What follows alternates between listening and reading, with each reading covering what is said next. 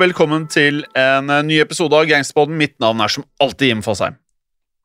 Så er det Henrik Fladseth her borte eh, på hjemmekontoret. Veldig kul eh, Er det T-skjorte eller genser du har på deg? Det er T-skjorte, og den er ikke kul. Den er ingenting. Den er så plain som du får det. Så Ja, men prøv det. Er er det du plaint er kult. å Ja, det er jeg enig i. Ja. Det er jeg helt enig i. Ja. Men jeg vil ikke Noe blikkfang er det jo ikke. Så at du drar opp den av alt mulig, kan jeg heller uh, Ja, men eh, Grunnen til det er for vanligvis så er det der du har dynen, men nå er det T-skjorten, så var det veldig enkelt å legge merke til den. Ja, nei, jeg er ikke noe dyne i dag. Det Nei. var litt varmt der inne på rommet. Ja, det blir litt varmere. Eh, vi skal jo til Australia i dag. Har du vært der, eller? Nei, jeg skulle ønske jeg hadde vært der, Jeg jeg hadde vært der i hvert fall før pandemien, Flatseth. Nå kan det ta lang tid før jeg kommer meg dit. Hva med deg selv? Nei, jeg har aldri vært over der, altså. Det, det kunne vært moro. Det er jo et jovialt og det er mye hyggelige folk der borte, har hørt. Men det er ikke alle som er eh, like koselige. Nei. Og eh, vi skal jo prate om noen som ikke nødvendigvis er eh, bare sånn A-mate. Um, for vi skal se på en eh, Vi har jo vært innom motorsykkelfolk tidligere. Nei. Vi har det, og det var jo En, en, en hjørnestein i gangsterverden. Å oh, ja, ja. ja. Eh, de er viktige for å holde, holde mye av eh, syklusen av bl.a. narkotikavåpen i gang. Eh, denne her heter Comachero Motorcycle Club. som da, etter hva vi forstår, er den mest beryktede bikergjengen i Australia. Ja, så vi skal møte noen ordentlig knallharde folk, som dere skjønner. Co- Comanchero, Comanchero har eksistert i et halvt århundre. De har stått bak en uh, haug av uh, lovbrudd, men de er kanskje kjent, mest kjent for uh, sine ekstremt voldelige oppgjør med andre MC-gjenger. Ja, så la oss starte da med å introdusere grunnleggeren av Comanchero, nemlig William George Ross, eh, som da ikke unaturlig kun gikk under navnet Jock Ross. Eh, han var da rett og slett en Scottish immigrant, og tidligere soldat med en ekstremt lidenskap for motorsykler. Og sammen med fire andre så grunnla han Comanchero Motorcycle Club i Sydney 1968. Og navnet det stjal han fra en eh, westernfilm med John Wayne, faktisk, fra 1961, som het The Comancheros. Ja, og Ross han eh, tok med sin eh, militære bakgrunn inn, han implementerte det da, inn i klubbens regelverk. Eh, altså Helt fra begynnelsen så var strategien å rekruttere tidligere soldater. Og gjengen ble ja, drevet etter en ja, vi kan kalle det en, det ble drevet etter en, etter en paramilitær modell, nærmest. altså. Eh, Ikke uvant kjenner- her i gangsterbånden. Nei, nei, nei. nei. Nei. Og vi, vi kjenner jo litt Vi har sett noen, eh, noen MC-serier og filmer opp igjennom. Ikke sant? Vi vet jo hvordan, uh, hvordan det kan foregå inni der. Ja, vi vet jo det. Uh, eh, også, og for, for vår mann Ross så var brorskap, respekt og lojalitet de tre kjerneverdiene. Ja, de er eh, viktige, vet du. Og ikke uvant i gangsterpodden, så måtte også da alle i Comancheros eh, sverge et slags troskap. Eh, men, men de i Comancheros de sverget ikke kun troskap til eh, klubbens øverste sjef, altså Ross, men også til eh, Comancheros sine ti bud. Og brorskapet var eh, med andre ord eh, ikke å oppfatte som noen sånn hyggelig sosial greie der man kunne gjøre akkurat som man ville. Nei, ikke i det hele tatt. Og vi kan jo ikke nevne disse budene uten å, å, å lese dem opp alle sammen, for dette er bra. Eh, vi skal jo gå sammen, eh, bare dra gjennom her, rett og slett. Eh, Vi kan jo ta annenhver, da, Flatseth. vi kan ta annenhver. Ja. Comanchero, Ten Commandments. The President is supreme commander of the Comanchero.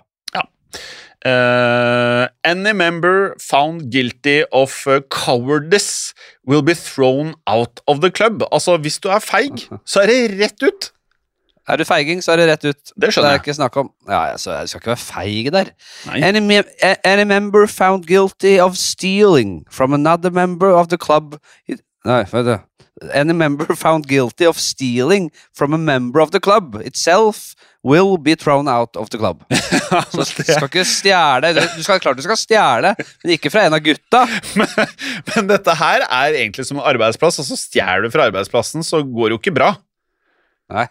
Det, men det er greit. Uh, any member found guilty of screwing another member's real old lady or taking advantage of a rift between them for future conning up will be thrown up.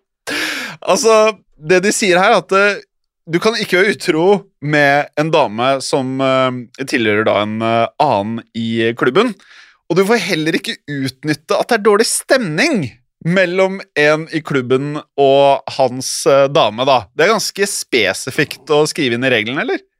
Ja, altså, ja fordi uh, du, du, kan og, du kan ikke drive og spekulere i at forholdet går dårlig og sånn, og, og, og ligge i sivet for så å bare hive deg på. Det er heller ikke greit. Uh, ok, vi tar på femmeren, vi. Uh, any member found guilty of breeding dissension in the club. Uh, ergo running down the president of the club or club policies in any way, shape of form, or bad shit rumors will be thrown out. Den var jo heavy, da. Ja, altså, altså Ethvert medlem som blir funnet skyldig i å skape uenighet innad i klubben, altså det vil si kritisere klubbpresidenten eller klubbens retningslinjer på hvilken som helst måte, eller i form av usanne rykter, altså bad shit rumors, vil bli kastet ut. Så det, de er ganske spesifikke her, altså. Så jeg føler at dette her er laget basert på tidligere erfaringer. Mm. Nummer seks. Any member found guilty of selling, distributing or using hard drugs will be thrown out. Altså ethvert medlem som blir funnet skyldig i salg, distribusjon eller bruk av eh, stoffer, blir altså pælma ut. Og jeg som trodde at dette her var eh, noe av det viktigste for disse moderne kriminelle MC-klubbene. Jo, men går det ikke litt på don't get high on own supply? Eh, jo, men her er det også selling and distribution. Jo, men det må være på fritida, vel? Tror du ikke det? Uansett. Syv. Any member found guilty of using their superior ability to kan altså, lure. lure yeah, another member uh, or nominated member out of their bikes, money or valuables will be servely de dealt with. Også jævlig spesifikt. Altså, ja, hvis du lurer noen spesielt når det kommer til sykkelen, penger eller andre verdisaker, så blir det dårlig stemning. Ja. Uh, nummer åtte. Any member found guilty of not helping another member who is in genuine trouble, not bullshit trouble.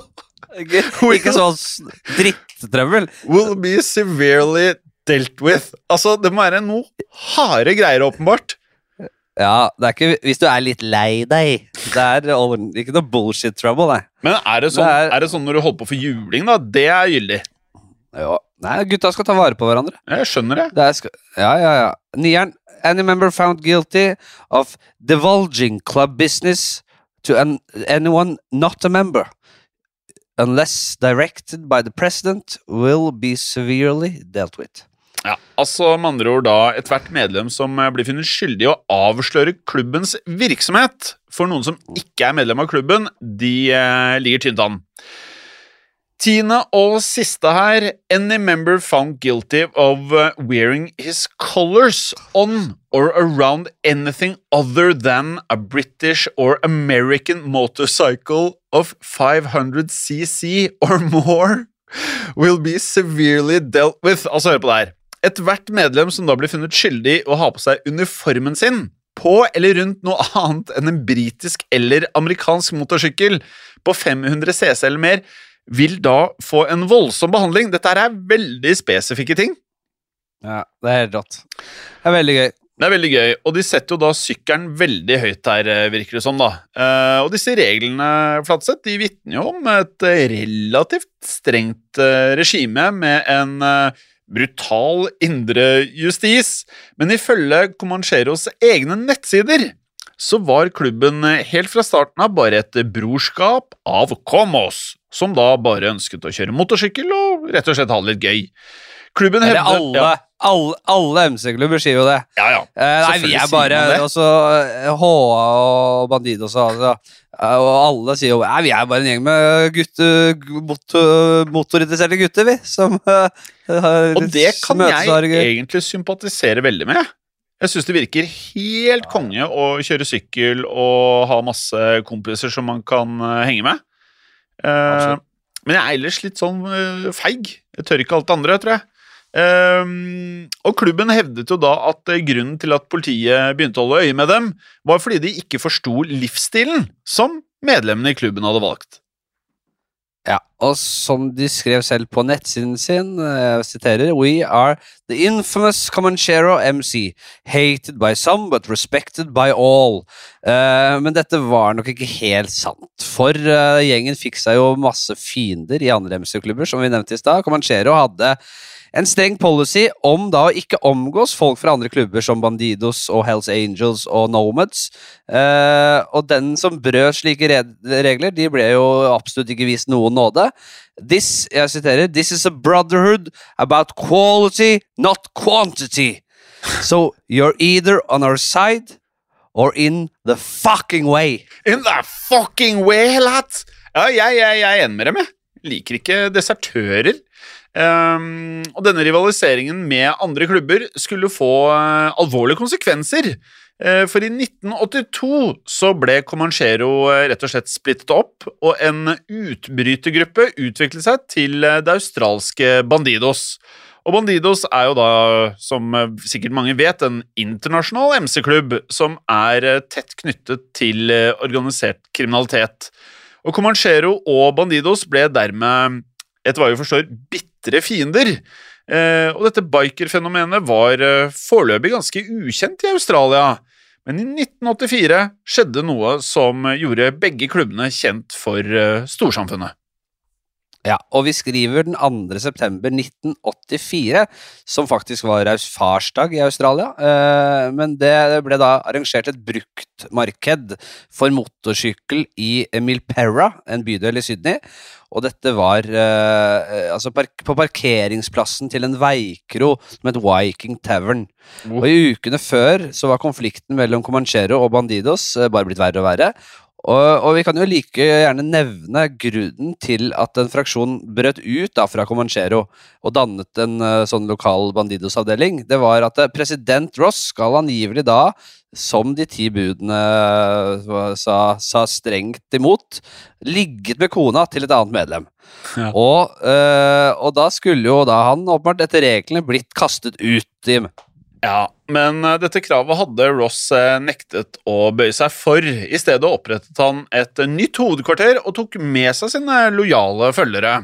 Og De resterende medlemmene de valgte da å bli en del av Bandidos, og de brente sine Comanchero-klær. Og Dette ble etterfulgt av en rekke trusler og mindre sammenstøt. Ja. Og Ross visste at uh, Bandidos ville komme på dette bruktmarkedet, altså Viking Tavern, uh, eller ved Viking Tavern, så han planla da et bakholdsangrep sammen med disiplene sine i, uh, altså fra, ja, i Comanchero, nye Comanchero. Men da han ventet på at Bandidos skulle komme, så ble han distrahert av en annen rivaliserende klubb. Eh, ikke mindre enn Mobshitters. Eh, de kom og surra inn her. Og så plutselig var da også Bandidos på plass. Fullt bevæpnet. Så her skjedde det ting. Her skjedde det ting. Ja, og det oppsto et eh, opphetet munnhuggeri mellom disse to gjengene. Og noen argumenterte for at de skulle legge vekk eh, alle dødelige våpen og gjøre opp saken som menn, altså et godt gammeldags eh, slagsmål. Men så skjedde noe skjebnesvangert, for noen fyrte av et eh, skudd ved muligens mest sannsynlig et uhell, som da førte til at eh, flere trakk våpen, og situasjonen eskalerte til skuddvekslinger, slåsskamper og rett og slett et fullskala angrep. Også kjærester og koner deltok i disse kampene. Ja, det er også helt rått, selvfølgelig. Altså, alle var med. Ja, ja, altså alle var med her. Eh, så, og, og, og, og Ross hentet da selvfølgelig en machete eh, og, og beina tilbake for å kjempe med gutta. Eh, men nesten umiddelbart så ble han truffet i foten av et skudd fra haglskudd. Men han vaklet seg videre og, og vakla seg videre der, og ble igjen truffet i hodet av hagl og brystet og kollapset, og dette eh, Det var ikke skarpt, altså det var jo hagl, ikke sant, så det, ellers så blir det jo penetrert i huet der. Men vi virker ikke så digg å få hagl heller, da. Nei, nei, nei. Så dette nei, førte jo til en hjerneskade, da, og Ross uh, mistet mye av synet sitt med dette, samt evnen da til å, å lese og skrive. Ja, og bare hør på dette her, så man skjønner litt skalaen. For etter hva vi forstår, så var det rundt 200 politifolk som ankom eh, kun 15 minutter etter at eh, kampene tok slutt. Fire Comancheros og to Bandidos var eh, døde, faktisk, av skuddskader.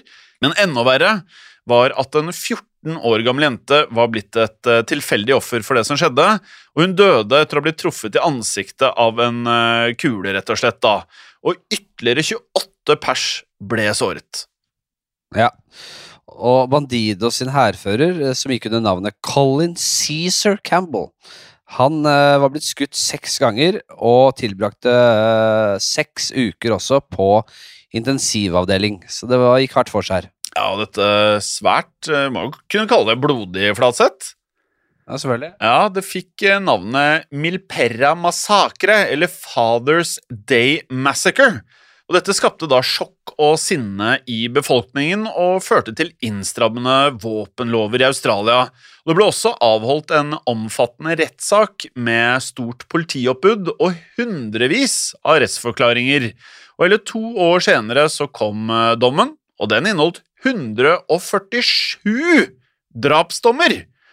Jock Ross ble også da utpekt som hovedmann og dømt til livstid, men slapp ut etter Du har jo poengtert det flere ganger, Flatseth, man skjønner ikke alltid hvordan ting fungerer. Han slapp ut etter kun fem år, men fikk livstid. Ja. Eh, og våre kilder sier eh, ikke spesielt mye om hvorfor, men eh, flere andre ble dømt i saken og fikk eh, forkortet dommene etter eh, diverse anker. Ja, nei, man må bare finne seg i det. Sånn er det av og til, vet du. Og etter Milpera-massakren så hadde jo da Ross kontroll over Comanchero i nesten 20 år. Ja. Men eh, ingenting varer evig, som vi vet. Uh, for det var nye tider og, og mer blod i vente, og det skal vi ta snakke mer om etter pausen. Velkommen tilbake. Før pausen så hørte vi at uh, mannen som gikk under navnet Jock Ross, han kontrollerte MC-gjengen Comanchero både før og etter den såkalte farsdagsmassakren i 1984. Men eh, hans regime sto for eh, fall. En ny generasjon av bikers, som de kaller seg, var på vei opp i eh, hierarkiet. På 1990-tallet så ble det rekruttert inn mange mange unge menn fra land i Midtøsten. Og dette kombinert med økende aktivitet innen narkohandel, det splittet gjengen. Og de unge hadde nesten ingen respekt igjen for de gamle gutta. Ja, og Et av de nye, sterke medlemmene i gjengen var Mahmoud Mikhawi. Og Hawi han var av libanesisk herkomst, og um, han hadde immigrert til Australia med foreldrene og søsknene sine året etter Milperra-massakren. Og Hawi han eh, ble med i Comanchero på slutten av 90-tallet, og da var han kun 18 år gammel. Ja, og så spoler vi frem da til 2002, og da hadde 60 år nå gamle eh, Ross begynt å trappe ned greiene sine. Han har å bli gammel, ikke sant? Han begynte å trappe ned. Og han tilbrakte pensjonisttilværelsen på Central Coast, nær Mangrove Mountain, for det som er eh, lokalkjent. Eh, og den 21 år gamle Havi, derimot, han var ung og fryktløs nå. Ja. Han respekterte kun, ja, ja, han respekterte kun penger og makt, og han var lei av den eldre garde, som, eh, som vi var innom. Og han var spesielt lei av Ross. Han var lei at Ross fikk bestemme alt. Havi han var leder for en gruppe nye rekrutter fra Midtøsten, og en dag så kjørte de MC-ene sine ut for å besøke vår gamle bekjente her i episoden, Ross i feriehuset hans. Og ifølge tidligere politietterforsker Duncan McNabb så var Howie eh, bekymret for eh, gjengens lederskap, og han sa til Ross at eh, han rett og slett ønsket å ta en prat med han. Men det kan nesten føles ut som Flatseth, at denne diskusjonen eh, var liksom en sånn der ambush. For eh, Ross han ankom jo relativt uforberedt, eh, og var da med det i klart undertall, ettersom Havi var der sammen med flere andre unggutter og ble slått kraftig av gjengen. Han fikk rundhjuling. Um, og de stjal både klubbantrekkene, presidentens Harley Davidson, og det vet vi, det ble ikke tatt lett på. Uh, så dette var uh, på mange måter uh, det verste som kunne skje Jock. Ja, de spytta den rett i ansiktet. Det ydmyka han som faen, rett og slett. De sparka han sikkert rett i ansiktet. Ja, kanskje i balla også? Alltid Ja, ja. Howie, ja, Howie hadde, hadde nå demonstrert eh, sitt mot og dedikasjon ved å da behandle Ross på denne måten. Eh, nesten som på en dyrisk måte, som en sånn derre uh, gorillaflokk. Mm. Eh, der man skal på en måte slåss om å være alfaen. da. Eh, og i en alder av 21 år så ble eh, med dette Howie ny president, mens Jack Ross han var, han var ferdig i klubben. Ja, men det var nok å ta tak i for Howie. Comanchero var under press selvfølgelig da, fra de andre MC-klubbene i Australia, og fokuset på narkohandel det skapte ikke bare store inntekter, men det økte jo selvfølgelig da eh, mengden med vold, og også selvfølgelig risikoen. Han rekrutterte blant annet en eh, bare hør på det, en snikskytter med bakgrunn fra Afghanistan, en Joshua Folkhead. Og Folkhead han hevdet selv at han eh, ble kalt The White Devil da han var i Afghanistan, og han fikk rett og slett ansvar for å selge og distribuere kokain, ice og ecstasy for gjengen. Etter Havis maktovertagelse så endret gjengen eh, karakter. Fra da så var Comanchero-medlemmer ofte tungt tatoverte treningsjunker med bakgrunn fra Midtøsten, da, eller i eks-Jugoslavia. De fleste hadde en forkjærlighet for uh, ordentlige gullsmykker og flashy sportsbiler og det greiene der. Havi han satset også på ny teknologi han, og omdannet Comanchero til et mer moderne krimsyndikat, som du er så glad i. Han innførte, streng, ja, han innførte strenge regler øh, for å sikre at politiet ikke kunne eh, altså, gå til siktelser mot medlemmene der. Ja, men eh, som vi vet, disse MC-klubbene, de, eh, de hakket på hverandre, de. Eh, og i en konflikt med Hells Angels skulle det oppstå store problemer for eh, Havi og hans ambisjoner. For i 2007 så eh, var det en incident hvor Havi ble beskutt. Og like etter så ble Hells Angels klubbhus brambombet, rett og slett som hevn fra Comancheros. Og Noen dager senere så ble en eh, Comanchero skutt i beinet av fire menn som da angivelig hadde på seg Hells Angels-jakker. Som eh, hevn så ble da to Hells Angels-kontrollerte tatoveringssalonger brambombet og også skutt i fillebiter. Ja, og dette ledet fram til en ny svart dag for eh, Comanchero. 22. mars 2009 så var vi på et fly fra Melbourne til Sydney sammen med flere andre Comancheros. Og Hells Angels-president Derek Vaino han var også om bord der. Og Vaino han følte seg eh, truet av at, eh, at Comanchero i det hele tatt var der. at Comancheros tilstedeværelse. Så han kontaktet da sine gjengmedlemmer i Sydney, som da med en gang satte kursen mot flyplassen de skulle ankomme på. Eh, men det Comanchero-medlemmene gjorde akkurat det samme. Ja, og da de to gruppene da møttes i innenriksterminalen, så oppsto det selvfølgelig en vanvittig konfrontasjon mellom eh, Comancheros og Hells Angels. Eh, Til sammen har vi forstått at det er over ti pers, og dette da satte jo i gang en eh, voldsom gemeng, altså masseslagsmål, eh, foran da både turister og flyansatte og det som var til stede. Og dette ble også fanget på overvåkningskamera. Jeg tenkte det Flatseth, å sitte der, du har han fyren som egentlig ikke har så mye å gjøre på jobb på flyplassen, og så ser du det greiene her på, på video. Sitter og tar en kaffe og napper litt i, smånapper litt i lø løken, og så kommer dette opp. Ja. Og en Hells Angels-leder ved navn Anthony Servas han ble slått med en slags mest metallstolpe, og så knivstukket i både mage og bryst. Og så store var skadene at han eh, døde av disse skadene her, da. Ja, og åtte dager senere så ble Servas sin bror Peter eh, skutt minst fire ganger i oppkjørselen til familiens hjem i Sydney. Og dette drapet skjedde foran Uh, en haug av skrekkslagne vitner. Uh, de, de, de, de, levde ikke skyggen her, akkurat. Altså. Alt skjedde foran vitner, virker det som. Uh, og, og, og, og, nå førte jo dette til en omfattende politiaksjon mot, mot flere MC-gjenger. Og Havi arrangerte et møte nå i forsøk på å dempe spenningene mellom Comanchero og Hells Angels, men han ble selv siktet for drapet på eh, Servas. Han ble funnet skyldig, og han ble dømt til minimum 21 år i fengsel.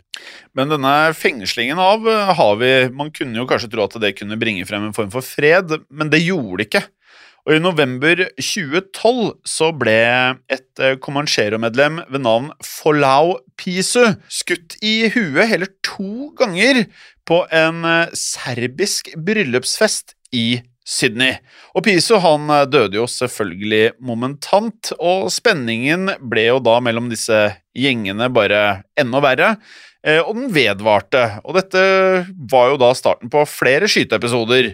Men i mellomtiden så fikk Havi anket og også redusert straffen sin.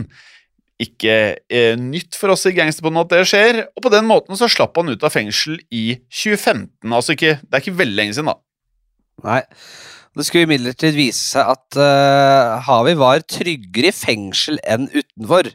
Uh, og Havi sluttet seg ikke til Comancheros med en gang, men han hadde kontakt med enkelte medlemmer. Og Havi prøvde å holde avstand til gjengen nå, uh, men det hjalp jo lite, for i februar 2018 så ble den da 37 år gamle tobarnsfaren skutt og drept utenfor et treningsstudio.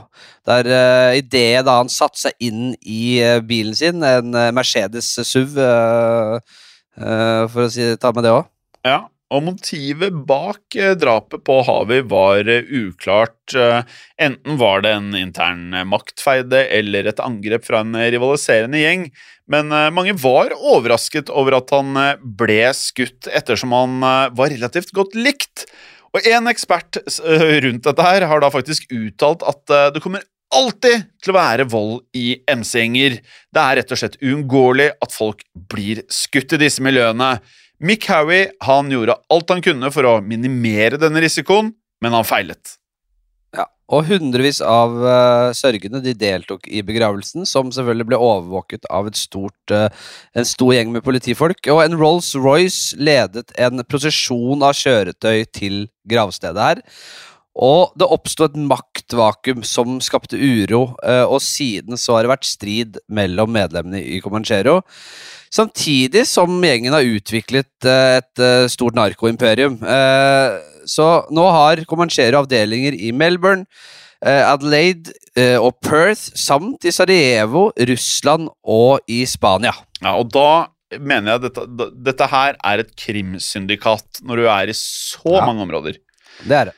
Uh, og I en rettssak i 2015, altså samme år som Howie slapp ut, så kom det frem at uh, gjengen hadde rundt 400 medlemmer, hvorav de fleste var basert i Sydney. Og Vi kan til slutt også nevne at uh, Comanchero-gjengen hvert eneste år kjører fra Milperra til Palmdale Cemetery for å besøke gravene til brødrene deres, som da ble drept i farsdagsmassakren i 84. Ja, Det som er også interessant, er at grunnleggeren Uh, Jack Ro uh, Jock Ross han lever fremdeles, han. Ja. Men bare så vidt. Uh, bare så vidt etter at han ble rett og slett tatt rotta på av Havi og kastet ham fra makten, så ble han en lovlydig brannmann, han. Mm. Men i 2019 så var han involvert i en bilkollisjon som sendte han i koma. Så nå er han visstnok tilbake på beina, utrolig nok. han nærmer seg 80 80 år, og han har tolv eh, barnebarn. Og det er eh, det siste vi sier om eh, Comanchero Men, ja. og MC-miljøet i, i, i, Australia for denne gang, med mindre du har noe i Ja, jeg må bare legge til at jeg tenkte det at det livet han har levd, og så er det en bilulykke som gir deg den verste skaden, omtrent. Ja, det kan ofte være sånn. Noen kaller det et paradoks. Ja, har du en låt, uh, en låt Jim? Au! Det har jeg. Jeg har Crazy Ass Hell med bandet The Comancheros. Selvfølgelig. Jeg trenger ikke å forklare hvorfor jeg valgte denne her. Den legges til spillelisten vår på Spotify, som er Den heter Gangsterpodden. Eh, og med det, folkens, så har dere da hørt om nok en eh, gjeng med MC-folk. Ja, og vi høres uh, som vanlig neste uke, vi, med mindre du har gått for en drive-by-shooting på en uh, elsparkesykkel og uh, tryna og ble skutt uh, samtidig. Eh, jeg vet ikke. Men eh, hvis du ikke har blitt eh, tatt av drive-by på elsparkesykkel, så kan du fortsatt holde gangster. Ha det bra. Snakkes, hei!